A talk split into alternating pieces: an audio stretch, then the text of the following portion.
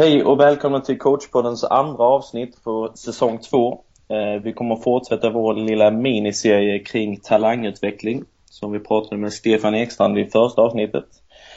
Eh, idag så har vi eh, besök av en speciell person från Smålands fotbollsförbund och han ska få presentera sig själv under faktarutan. Namn kan vi först och främst ta. Yes, Rebin Mardan heter jag. Eh, vad har du för utbildning? Utbildning? Eh, ja, gymnasiet, eh, sen GH eh, Stockholm, alltså gymnastik och idrottshögskolan, tränarprogrammet, två år. Eh, sen också gick jag den här uh, tränarskap med inriktning mot fotboll eh, på Göteborgs universitet, ettårsutbildningen. Jag tror, har inte någon av er gått den? Jo, jag har gått den och Rasmus går den. Ja, jag har för mig att jag har hört det vid något avsnitt där. Mm -hmm. mm. Eh, så det är väl det och sen har jag ju inom Svenska FFs tränarutbildning ett eh, UFA-diplom eh, och varit, gått lite stegutbildningar i England och sen någonting i Spanien också. Det är väl lite det jag har gjort. Mm. Eh, vad har du för sysselsättning? Jobbar idag på Smålands fotbollförbund där jag är heltidsanställd och jag är ansvarig för tränarutbildningen. Och eh, utöver det så är jag även spelarutbildare på pojksidan. Eh, och det är ju det, ni hade ju Berka där vid något avsnitt som jag lyssnade på. Jag tror det var ett av de första avsnitten och han, eh, han beskrev lite grann vad en spelarutbildare gör. Så det är en del av det. Sen är jag även assisterande tränare i P99-landslaget och sen den här veckan faktiskt gått in lite grann och hjälper till i Huskvarna FF i U19 och U17 när det finns lite tid och så. Mm, intressant. Eh, familj? Min fru, eller min fru, en fru, eh, Jennifer heter hon eh, och sen tre barn, eh, Juan, Allan och Lia. Framtida fotbollsspelare där då? Ja, eh, Juan har i alla fall eh, spelat fotboll nu i en två år eller något sånt där. Eh, vi får se vad de gör. favoritlag? Eh, favoritlag. Barca och eh, Dalkurd eh, skulle jag säga. Mm. Eh, Dalkurd lite nyare, eh, de har inte funnits så länge. Eh, så Barca har det väl varit eh, sen, vad blir det, högstadieåldern. Var fanatisk då, kanske inte lika mycket nu. Mm. Lyssnar du på något speciellt podcast eller någonting liknande? Eh, ja, framförallt podcast. Eh, jag lyssnar inte så mycket på musik och sånt där. Det är mer eh, i bilen när barnen åker. Så här. Det blir så här, typ Sean Banan och såna grejer. Men, och kanske när man själv tränar lite grann. Men det är framförallt mycket podcast. Och det är... Jag kollade häromdagen så här. Jag tror jag följer cirka 20 stycken olika eller någonting.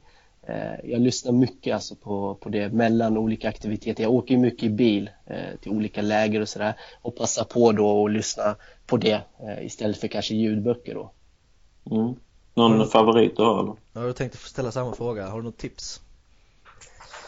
Förutom coach eh, Det beror på vad man... Eh, alltså jag är ganska bred. Alltså jag lyssnar på eh, allt ifrån eh, grejer om entreprenörskap, eh, olika poddar kring det.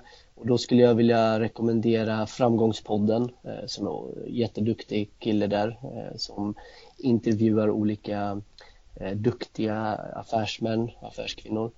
Eh, så det är väl det. Sen inom hälsa finns det hur mycket som helst. Eh, det lyssnar jag också mycket på, hälsa, liksom idrott och röra på sig, sådana saker.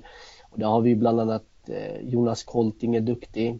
Eh, vi har även Jakob Gudiol eh, som har en bra podd eh, som heter Tyngre, eh, tycker jag. Sen är det ju de här fotbollspoddarna där eran podd är jättebra. Tycker Olof Lunds är bra.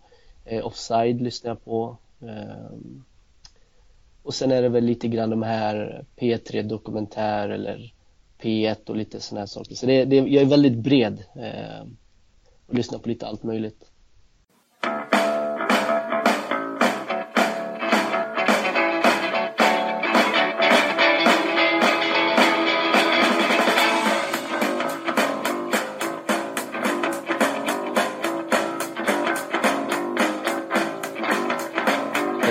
Vi då går vidare på avsnittets huvuddel, eh, Herman. Vad skulle det handla om idag? Vi, eh, som sagt, du introducerade ju lite där i inledningen. Eh, vi har ju tänkt att köra en liten, ja, två, tre avsnitt kring eh, talang, vad det är för någonting och, och hur den utvecklas. Och vi är ju baserade i Blekinge trots att du har skånsk påbrå Rasmus. Men vi är ju lite spända på att höra hur eh, Småland eh, jobbar med talangutveckling. Ja, eh, på flera olika sätt skulle jag säga. Det är lätt hänt när man tänker sig vad gör ett distrikt eh, när det gäller talangutveckling? Då tänker man kanske oftast på distriktslagsverksamheten. Eh, för det är väl oftast det som är ansiktet utåt liksom. Eh, men eh, vi har ju den, en distriktslagsverksamhet, men jag skulle vilja säga att vi jobbar med talangutveckling på flera olika sätt. Eh, dels är det via ledarutbildning. Eh, vi har ju eh, försöker ju få alla smålänningar att gå tränarutbildningar. Det är ju ledarna vi försöker påverka för att har vi bra ledare så kommer vi få bättre spelare. De kommer hålla på längre, de kommer tycka att fotboll är kul och allt det här. Så att ledarutbildning, höja kunskapsnivån, lika med bättre spelare tror vi. Det är ju en del. Eh, sen är det ju föreningsutveckling är en annan del som vi jobbar med mycket. Eh, och där skulle jag säga att vi har ett ganska starkt och bra samarbete med SISU och deras konsulenter. Eh, och det har vi haft i många år, så länge jag har jobbat här. Och det har ju bara intensifierats i och med att Svenska FF och eh, SISU Riks inledde något samarbete, jag tror det är ett och ett halvt, två år sedan, där eh, fotbollen eh, och SISU då blev ännu tajtare Eh, vilket har lett till att vi också blivit ännu tajtare med eh, vårat, eh, alltså våra konsulenter i Småland. Då. Eh, och det gör att vi gör olika besök tillsammans i föreningarna, eh, bland annat, eller framförallt kring spelarutbildningsplanen, eh, men också andra grejer som är eh, utvecklande för föreningen. Och där handlar det om att skapa bra miljöer eh, för spelarna. Så har vi en bra fungerande eh, förening så tror vi också det blir bättre miljöer. Mm. Eh, och sen är det då ja, vår spelarutbildning självklart. Det är väl det som är vårt flaggskepp utåt om man tittar på det. Det är väl det som många tänker på när man pratar eh, eh spelarutbildning och så. Där, där är det distriktslag eh, och övriga läger också, alltså det som är vid sidan av distriktslagen. Eh, och det är ju någonting som Eh, Eh, funnits länge och som revideras hela tiden och följer med trender och sådana saker. Och nu är vi inne i ett arbete här i Småland också som eh, där vi kollar på hur vi kan eh, förbättra och vår distriktslags eller vår spelarutbildning ännu mer. Och det är en ganska spännande period här där vi kommer kolla igenom det. Och det är väl något allmänt som går tycker jag i Eh, många distrikt runt om i Sverige, framförallt här i Götalandsdistrikten, att man ser över och gör om sin spelarutbildning. Eh, och jag tror att de flestas mål är hur kan vi få fler att ta del av det här? Hur kan vi få fler att vara med på eh, distriktslagsverksamheten? Eh, hur kan vi, eh, vad ska man säga, eh, alltså det är alltid en så här, eh, en balans här. Man vill ju ha med så många som möjligt men samtidigt när vi tar ut spelare så säger vi ju till vissa spelare att du inte är tillräckligt bra. Eh, och där är det ju många distrikt som vill eh, öppna upp det här liksom. Mm, mm. Många har ju, om vi då tittar på Skåne eller även andra distrikt, så om man då kollar på elitläget i Halmstad. Eh, Skåne väljer att inte vilja ha något lag överhuvudtaget. Hur, hur, ställer du dig, hur ställer du dig till det? Är det rätt väg att gå? Alltså jag förstår, själva tanken de har är ju jättefin. Alltså så, utan att ha exakt suttit i samma rum med dem och diskuterat så här. Så tanken tror jag de har är att de vill att så många som möjligt ska få vara med och att tar man bara ut 16 spelare så säger man till ganska många att ni är inte tillräckligt bra. Indirekt gör man så. så mm. eh, men utan att veta helt exakt vad de har för bakomliggande faktorer så där. Men jag kan ju tycka så här att det är viktigt att vi i Sverige går åt samma håll. Eh, jag tror inte man ska eh, Alltså jag tror inte att alla bara ska ta och köra helt egna grejer. Sen självklart ska man ju inom vissa ramar få vara fri, fri och säga, för alla distrikt ser väldigt olika ut. Alltså vi har jättesmå distrikt, vi har må, många stora distrikt med många spelare och sådär. Eh, men jag tror inte det är bra när man tar, om alla jobbar på ett och samma sätt eller förlåt, om alla jobbar på olika sätt, alltså helt mm. skilda från varandra. Jag tror inte det blir, jag tror inte det är bra för svensk fotboll. Jag tror vi tappar lite eh, den här kontinuiteten i det vi gör. Ja, för det kom upp lite i, i Halmstad då på utbildningen där jag går. Eh, vi diskuterade det här att istället för att fokusera på att ta bort det här elitläger och, och, och spara de som är där så, så kanske man ska jobba med, likt det du var inne på lite i Småland, att man ska jobba lite mer med bredden. Att de som inte blir uttagna, försöka fånga upp dem på något sätt. Eh, för annars så tror jag att den här motiverande faktorn för de som faktiskt ligger långt fram i den åldern eh, försvinner lite med att ja, men har man ingenting att sikta på så, så försvinner ju motivationen till att fortsätta spela. Eller vad tror du? Ja, men så kan det ju vara. Man ser ju på spelare som eh, har varit med på elitlägren. Nu pratar jag mycket om pojksidan ska jag tillägga sig, mm. för det är mer där jag är involverad så jag har inte Många av exemplen jag tar nu är ju egentligen från pojkverksamhet och sådär. Mm. Eh, men om vi tar på pojksidan så är det klart att man ser vissa spelare som är med på distrikt eller på elitpojk, eh, kanske får vara med på landslagsläger och sådana saker. Då är inte distriktslagsverksamheten lika häftig längre. Eh, mm. eller, eller man kanske inte är lika ödmjuk på lagträningarna och klubbträningarna. Så att det är klart att det kan ha en sån effekt också. Där blir det liksom ännu viktigare det här med skapa en bild eh, för spelarna av vad är det som krävs för att jag ska nå hela vägen. För att är du duktig när du är 15-16, det är ju inte du alltid som kanske blir seniorspelare eller elitspelare för det. Mm. Hur ser vägen ut till eh, ert distriktslag? Ehm, jag tänker i Blekinge har ju ett sätt, eh, är det likadant i Småland att man man samlar stora eh, kullar på vissa ställen eller jag tänker Småland är ett väldigt stort distrikt jämfört med Blekinge. Ja så är det ju och vi har om vi börjar med så har vi delat upp Småland just för att det är stort i 12 olika mindre zoner ehm, och varje sån zon har det vi kallar för en lokal spelarutbildare och tanken då är att de här lokala spelarutbildarna eh, inte bara ska identifiera liksom spelare och hitta spelare och scouta spelare, det är en del av det, men framförallt driva någon typ av utveckling i de här zonerna.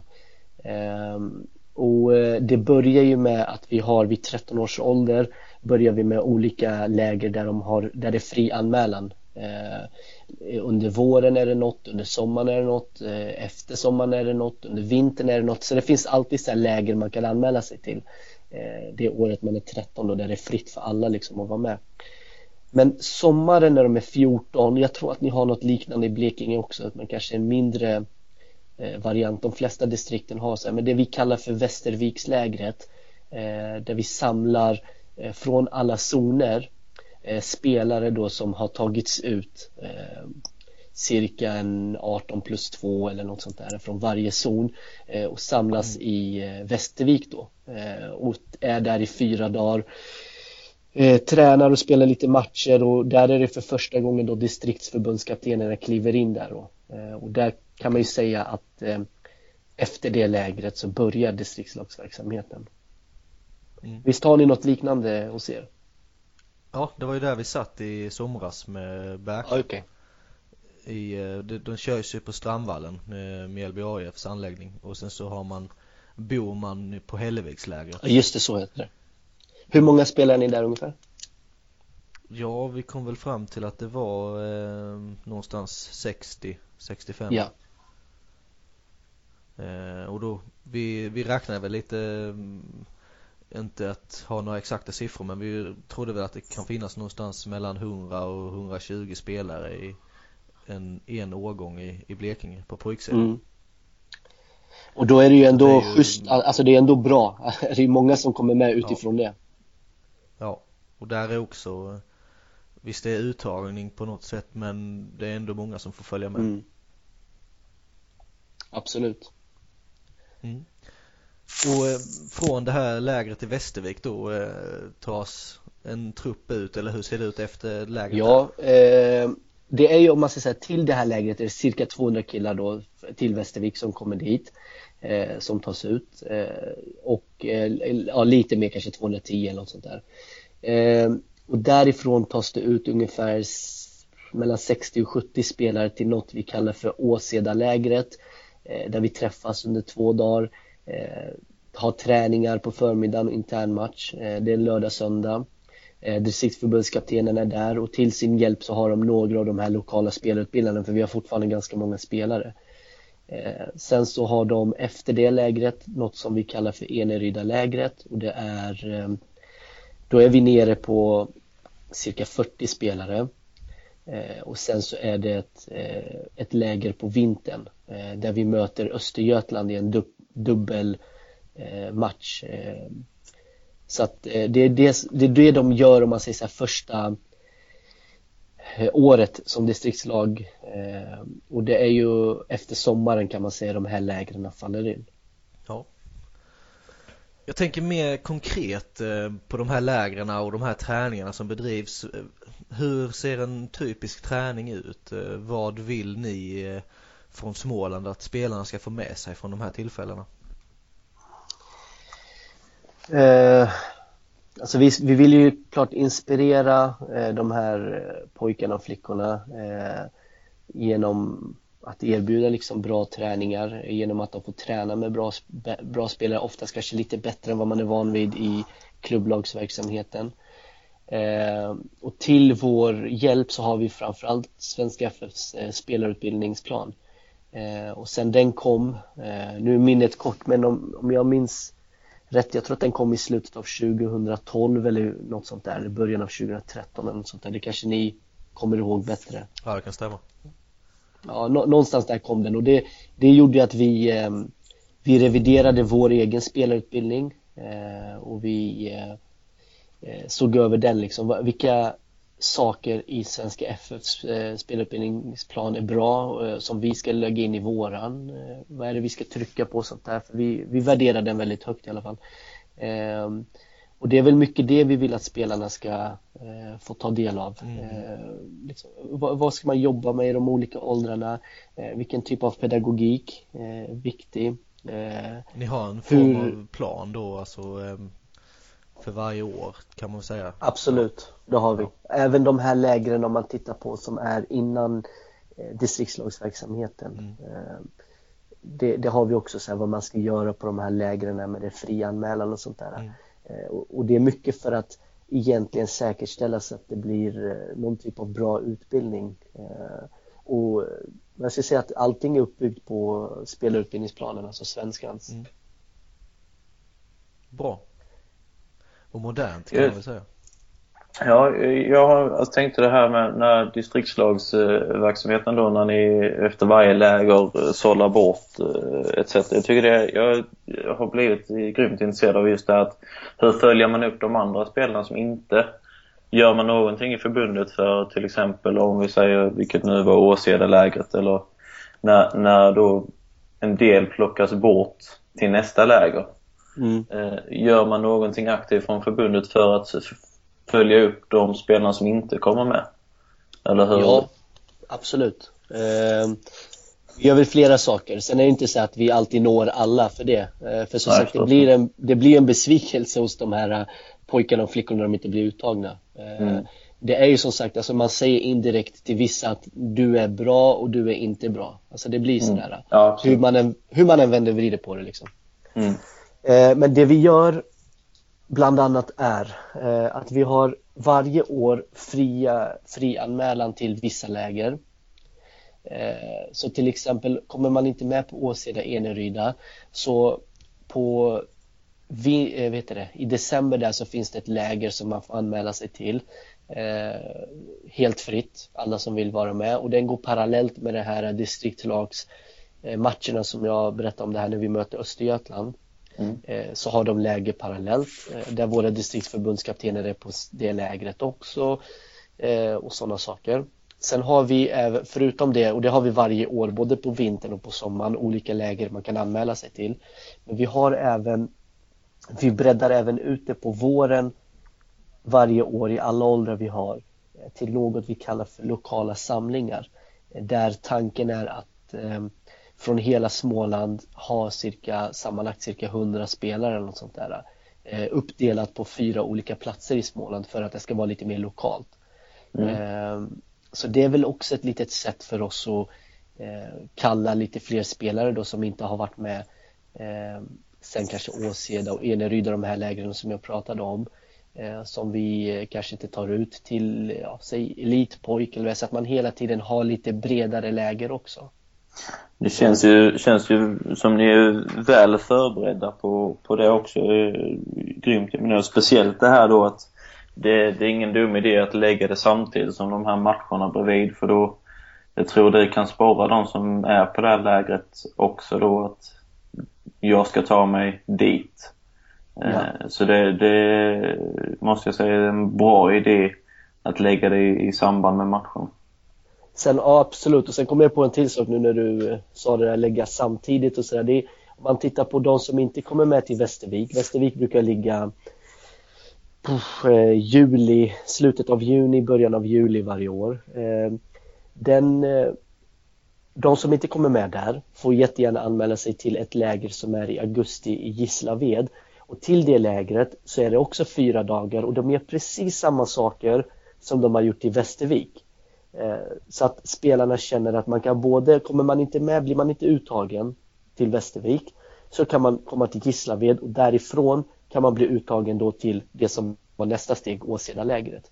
Mm. Eh, efter Elitpojk har vi likadant. Kommer man inte med i Elitpojk har vi ett läger bara någon månad efter. De tränar precis enligt samma upplägg som de hade i Elitpojk men kanske färre antal dagar då. Eh, mm. För det är en vecka man är i Halmstad då. Mm. Men jag tänker, hur, hur ser er organisation ut i förbundet för, för att utföra detta då? Alltså, har du någon projektledare eller hur, hur ser organisationen kring detta ut? Eh, vi har ju, om man säger så här, vi är eh, nu känner jag mig dum så här. Jag, jag, tror vi har åtta eller nio heltidsanställda här på kansliet eh, där alla har olika uppgifter. Vi har ju dels en kanslichef, sen har vi en som har hand om barn och eh, ungdomstävling och sen en som har seniortävling Eh, sen har vi en som har hand om domarverksamhet, ekonomi, idrottslyft och så har vi jag som är tränarutbildning. Men så har vi också min kollega Johanne heter hon som jobbar mycket med, eh, eller som jobbar med spelarutbildningen. Så det är mm. hon som egentligen organiserar upp allt det här. Eh, mm. Och eh, ja, ser till så att alla de här lägren funkar, distriktssamlingarna funkar och sånt där. Mm. Sen jobbar ju vi under, om man säger styrelsen och under styrelsen har vi olika kommittéer eh, och den kommittén som både jag och hon jobbar under det är den som vi kallar för eh, fotbollsutvecklingskommittén. Eh, mm. så, så därifrån kommer ju många av de här idéerna och liksom hur vi ska jobba. Mm. Ja, för jag tänker det krävs ju en del arbete och, och ro ihop det också. Det, det är lätt att sitta och säga att ja, men det är bara att göra så och så men, men det är intressant är också hur man får ihop det. Eh, både med ledare och, och då med spelplatser eller träningsplatser etc. etc. Absolut, håller med dig. Ja, känner vi oss nöjda med Småland, eh, Rasmus? Ja, men det tycker jag. Jag har fått grymt mycket inspiration till vår, vårt eget förbund kanske. Då eh, lägger vi in ett nytt inslag. Vi, vi kör en jingel mitt i avsnittet.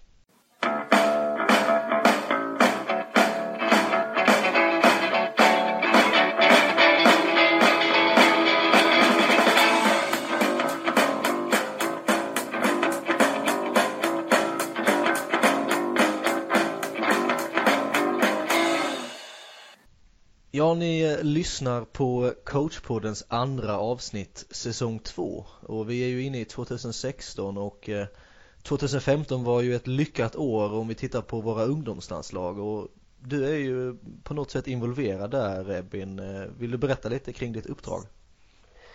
Yes, eh, det var, jag började 2014 eh, efter Elitpojk där med 99 eh, så klev jag in där eh, och då hade vi ett läger med, eh, eller på Bosön då, eh, med pojkar födda 99. Så det är väl där jag började egentligen, kan man mm. säga. Vad, alltså hur skiljer sig landslagslägren jämfört med hur ni jobbar i Småland?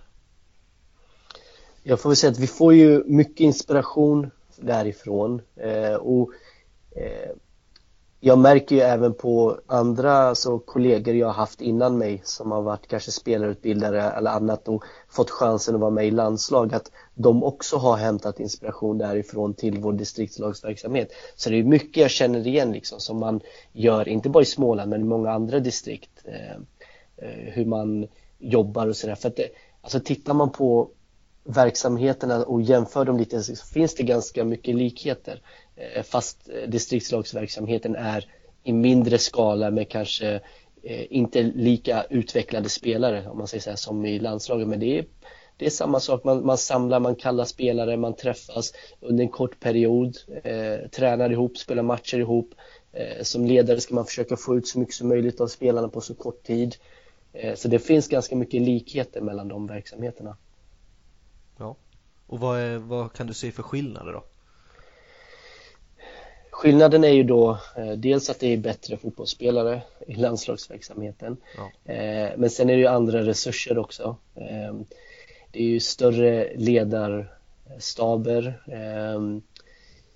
Allting är väl lite mer lyxigt. Även om vi har det bra liksom, i distriktslagsverksamheten men allting är ju lite, det är ju ett snäpp till i allt du gör mm. Får jag säga.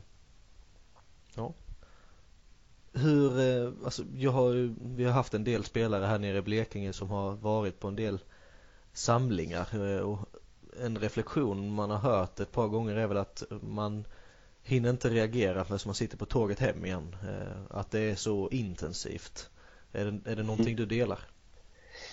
Ja, absolut. Eh, och de första, då tror jag att de här grabbarna pratar om de här Bosenlägren mm. eh, som de har varit på säkert. Eh, och det är, jag håller med dem, det är otroligt intensivt. Eh, det är roligt, eh, det är lärorikt och tiden går jättesnabbt och det är ganska lätt att somna på tåget eh, på väg hem liksom sådär. Man är ganska trött efter de här lägren. Mm, mm. Hur skiljer sig, jag menar det finns typ, alltså vissa läger på Bosön, vad är det man, 60 spelare då eller hur ser det ut de första uttagningarna? Efter Elitpojk Eh, nu pratar jag pojksidan igen, ja. för att flickorna har ju också en, eh, alltså elitflickor landslagsverksamhet och sådär. Men där kan jag inte exakt detaljer, eh, så det blir mer pojk här som jag pratar om. Men efter elitpojk då eh, så tas det ut 44 spelare eh, till Bosön eh, Sen efter det så spelar man en dubbellandskamp mot Finland och en dubbellandskamp mot Norge och sen är det Bosenläger igen som är på 66 spelare. Det är vad de gör första landslagsåret. Mm. Eh, efter det här så har de fortfarande då liksom så här, de kommande åren efter det har de ju Bosenläger eh, och även eh, olika liksom dubbellandskamper eller miniturneringar och EM-kval och allt vad det är liksom. Mm. och det skiljer sig ganska, det skiljer sig lite på vad beroende på vad det är för verksamhet liksom. Mm. Um, jag tänker som ur ett spelarperspektiv eh, Finns det några typiska spelare som tar sig dit från distriktsverksamheten eller vad krävs för en spelare egentligen att ta sig dit mer än att vara bra på fotboll? Eh, eller, eller också vad tittar ni på för eh, kvaliteter som fotbollsspelare? Eh, tänk ett helhetsperspektiv kring spelaren då. Mm. Eh, jag tror att, eh, eller tittar man på de spelarna som oftast är med nu eh, Dels är de ju bra fotbollsspelare, alltså rent tekniskt och sådär De har ju inte kanske bara en spetsegenskap Alltså förut vet jag sen när jag började som tränare var mycket så här, men Eh, titta efter spetsegenskaper. Det var liksom det man kollade efter när man identifierade spelare. Då var det kanske någon som var stark eller någon som var snabb eller något sånt där, men kanske inte hade så mycket annat. Eh, och jag tror att eh, de spelarna då kanske inte är så jätteintressanta för sig landslagsverksamhet. Många av dem kanske stannar då i en distriktslagsverksamhet. Men de som når till ungdomslandslagen, de, de har säkert en spetsegenskap, men de, har framförallt, de är framförallt bra på mycket det räcker inte idag med att du bara kan springa snabbt eller tacklas hårt eller skjuta bra eller så utan eh, det är klart att det är ett plus att du har någon spetsegenskap men du måste vara ganska stabil i det andra också eh, ha någon typ av grund i det mm. det är väl en del av det eh, sen tycker jag jag ser också att många av de här har en passion, en drivkraft, alltså det lyser mycket i ögonen på dem. Eh, de är eh, lyhörda. Eh, jag, jag, tror min känsla är att de tränar mycket, har tränat mycket, har, lägger ner mycket tid på sin fotboll. Någon typ av, alltså någon inre motivation. det är min känsla liksom, som många av de här grabbarna har. välutbildade också. Mm. Hur ser spridningen ut? Jag tänker spelare från tipselitmiljöer och, och från klubbar som inte eh, är i tipselit. Ja, eh, det är väl nu har jag ingen så här kallelse framför mig så jag, kan inte, jag har inte riktigt tittat på det så men Rent generellt eh, tänker jag Ja, alltså jag vet när vi till exempel var i somras här och mötte lite eh, på nordisk pojkturnering i augusti och då var det någon som hade gjort någon sammanställning Jag tror vi var cirka 20 spelare Av de killarna som var uttagna så var ju då eh, jag tror det var 16 var från olika akademier i Sverige, tre var typ från akademier i, utomlands och en var från en eh, breddförening typ. Mm, eh, mm.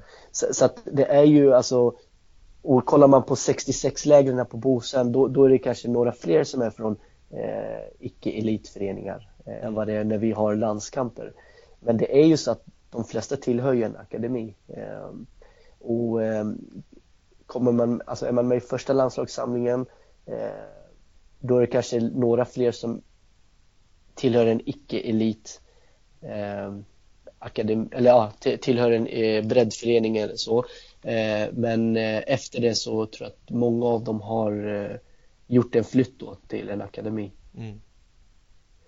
Det hade ju varit intressant att göra någon form av undersökning hur många år de har tillhört en akademi. Ja, just det. Inför, ja, delvis landslagsuttagning men, men kanske, ja, U21 kanske man skulle haft som utgångspunkt då. Mm. För att se verkligen hur Tipselit-projektet då har påverkat utvecklingen. Ja, just det. För det, det, alltså man kan ju räkna in en spelare i Tipselit om man har spelat där i två månader. Mm. Alltså i en Tipselit-verksamhet. Eh, och då kanske man inte kan räkna eh, utbildningen till det projektet heller. Mm. Nej men det är klart, alltså det, jag vet tyvärr inte riktigt vad eh, definitionen är för, säg så här, egen produkt, alltså det som man brukar säga så här. Mm. En, en, jag vet inte om det finns en för, från SEF liksom, så att en egen produkt måste ha varit så här många år i en förening så här. Eh, men vissa, vissa har ju liksom, ja, men man måste vara, alltså vissa föreningar kanske sätter sina egna, så här, man måste ha varit i förening så här länge för att vi ska kalla det för egen produkt. Någon säger att det räcker med ett år i U21 och sådär, så det är väldigt mm. olika där. Mm. Ja, den europeiska bestämningen där är väl tre år mellan 15 och 21. Okej. Okay. Tror jag. Om, eh, om man ska lita på football manager. Ja, ja det är någonting sånt. Så. Det, det, är en bra källa tycker jag. Ja. Ja, eh, typiska drag. Eh, ja, du sa inre drivkraft. Eh, men man pratar ju ofta om karaktär hos spelare. Mm. Alltså, hur ser det ut på landslagssidan? Är det någon spelare som tar bollsäcken eller ni har 20 ledare som löser det? Eller Nej, utan där, där ska alla hjälpa till. Eh, alltså så är det. Alltså det, där är le, alltså ledare eh, jättestor inspiration. Alltså, till, alltså de som är, om man säger så här, högsta ledarna eller så inom spelarutbildning hjälper till att plocka material. Eh, förbundskaptenen, eh, huvudansvarig plockar, alltså alla gör. Alltså, ja. eh, det finns ingen materialare. Eh, medicinska teamet gör det, målvaktstränaren gör det, jag gör det, spelarna gör det, alltså alla gör det. Så att, tanken är ju då att alla ska hjälpa till. Eh, eh, så är det ju. Men eh, den spelaren som aldrig tar bollsäcken, får den ett minus eller det beror på hur bra fotbollsspelare det är eller alltså Jag tänker lite bedömningar kring, för att ni gör väl någon form av anteckning efter varje samling? Ja, eh, om man tittar på nu kan jag ju bara jämföra med den här gruppen för det är bara den här, den här jag varit i. Mm. Eh, det vi har haft som är bra med den här gruppen det är att om man tittar på de spelarna som kanske ligger längst fram i sin utveckling idag, de som är eh, sticker mest ut om man säger eh, fotbollsmässigt i den här gruppen, eh, de som är kanske lite mer ledartypen och det, de är också de som är väldigt ödmjuka och gör, den här, gör det här. Och när de gör det, då är det lättare att de andra gör det också. Om, de, om vi skulle haft ledartyper i det här laget som är som leker sköna eller vad vi ska kalla det och liksom struntar i sådana saker eh, då tror jag att det sprider eh, lite andra signaler till resten av gruppen. Men vi har varit ganska skonade, så jag tror inte, vi har inte behövt se till så mycket. Så liksom så här, någon gång får man ju påminna grabbarna, så hjälp till och så här, men eh, det sker oftast naturligt i och med att de som är ledare och de som är, ligger längst fram i gruppen gör det här på ett bra sätt. Mm. Ja. Eh, jag hade frågat lite innan men den vi sa ju att det var intensiva läger, men jag tänker vad hinner ni med på ett läger med, med landslaget? Om man säger då de samlingar som du varit med på. På Ja, alltså landslagslägren, jag skulle vilja skilja på dem, alltså dela upp dem i två delar. Det ena är ju de här Bosenlägren som vi pratar om. Ja. Eh, de ser ut på ett visst sätt. Eh, sen har vi de här lägren där vi spelar matcher. Eh, och de ser också ut på ett annat sätt och kan delas upp i liksom dubbellandskamper eller eh, miniturneringar eller eh, EM-kval och sådär. Så det kan man också dela upp ännu mer. Men tittar vi på ett Bosenläger då, eh, oftast då cirka 66 spelare. Eh, man tar ut eh, spelare på positioner, alltså till exempel det är sex målvakter med, eh, som brukar 60 plus 6 och sen är det sex eh, högerbackar, sex vänsterbackar, sex höger innerback, sex vänster innerback och så vidare. Eh, upplägget på de här lägren, det man gör eh, tränar eh, ungefär, jag tror vi brukar ligga på ungefär fem fotbollspass. Eh, fyra till fem i alla fall. Eh, de har teori. Eh, olika teoripass det kan vara kommunikation, det kan vara träningslära spelidén bland annat idrottspsykologi har de på de här lägren Eh, så det är väl det de gör mest, alltså de varvar träning med att ha olika teoripass mm. på just de här lägren. Ja. Eh, ja. Ja, det här. Rasmus. Ja, jag, jag, tänker på det här med idrottspsykologi och liknande. Eh, hur, eh, med den gruppen du har varit, hur mycket har du märkt att eh, deras förkunskaper inom, eh, inom just den psykologiska mentala biten, är det någonting de är väl väl utbildade inom eller är det en eh, generell grej som man kanske ska jobba ännu mer med i distriktsverksamheten? Nu är det så att de här teoripassen, då har vi oftast någon föreläsare på dem. Eh, så till exempel idrottspsykologi, då brukar det vara någon som kommer och håller i det. Det träningslärare brukar det vara någon som håller det. Vi som är tränare, eh, vi är egentligen inne i hallen eller Eh, nej men då är vi inne i hallen eller ute på konstgräset eller något sånt där på Bosön och tränar. Så vi, vi koncentrerar oss mycket på egentligen fotbollsbitarna. Mm. Och det är egentligen ja, någon föreläsare som håller i det andra då. Så att det, det är svårt för mig att säga liksom vilken nivå de är på och sådär. Jag har inte riktigt de erfarenheterna. Men skulle jag eh, skulle jag halvchansa på någonting skulle jag säga att alla kommer ju liksom från olika bakgrunder och jag kan tänka mig att eh, alla föreningar jobbar med det här på olika sätt. Eh, så vissa kanske jobbar mer med det här, vissa lite mindre. Eh, så mm. de kommer ju alla med ryggsäck då till de här samlingarna när det gäller kanske idrottspsykologin eller träningsläran och alla vet ja, lite grann kanske. Mm. Ja, men, om vi tänker då bara Småland, då, hur arbetar ni från förbundshåll där? Är det någonting ni hjälper föreningarna med eller det, det är upp till var förening? Eh, jag kan säga att vi jobbar väl inte så mycket med det utemot föreningen men på våra läger så har vi på vissa av de här större lägren, alltså fri anmälan, har vi någon del där som vi pratar lite om idrottspsykologi, alltså på väldigt basnivå liksom. Mm. Eh, distriktslagen likadant lite grann, alltså det, det handlar om så små saker, så här målbilder, visualisering, alltså sådana saker. Så det är väldigt, på en väldigt grundlig nivå. Eh, mm. Eh, så, så, lite grann gör vi ju. Ja, för jag tänker i och med att eh, nu i ledarutbildningen att man ska utgå hela tiden från spelförståelse, teknik, fysiologi och psykologi. Att man, yes. att man försöker ha med alla bitarna liksom. Absolut, absolut. Mm. Så är det ju. Sen istället för kanske att vi inte gör det så mycket vid sidan av plan i form av teoripass, då kanske det är att man som tränare är viktigt att få spelarna då eh, Alltså att man gör det på plan också, vissa mm. grejer. Så vad kan man göra i sitt ledarskap för att de ska må bra eller öka deras självförtroende och eh, skapa mod och allt vad det är liksom. Absolut. Eller trigga fram reaktioner. Mm. Det är ju mer intressant ur ett psykologiskt perspektiv. Ja. Ja, ehm, då har vi ju fått en bild av hur landslagsverksamheten också ser ut och jag, tänker mig en, en sista eh, del här. Vad är talang för dig Rebin? Talang för mig? Eh, jag kommer vara så tråkig att svara tror jag på det sätt som många andra gör men det, det är någon som har alltså, tror jag, en passion och en inre drivkraft.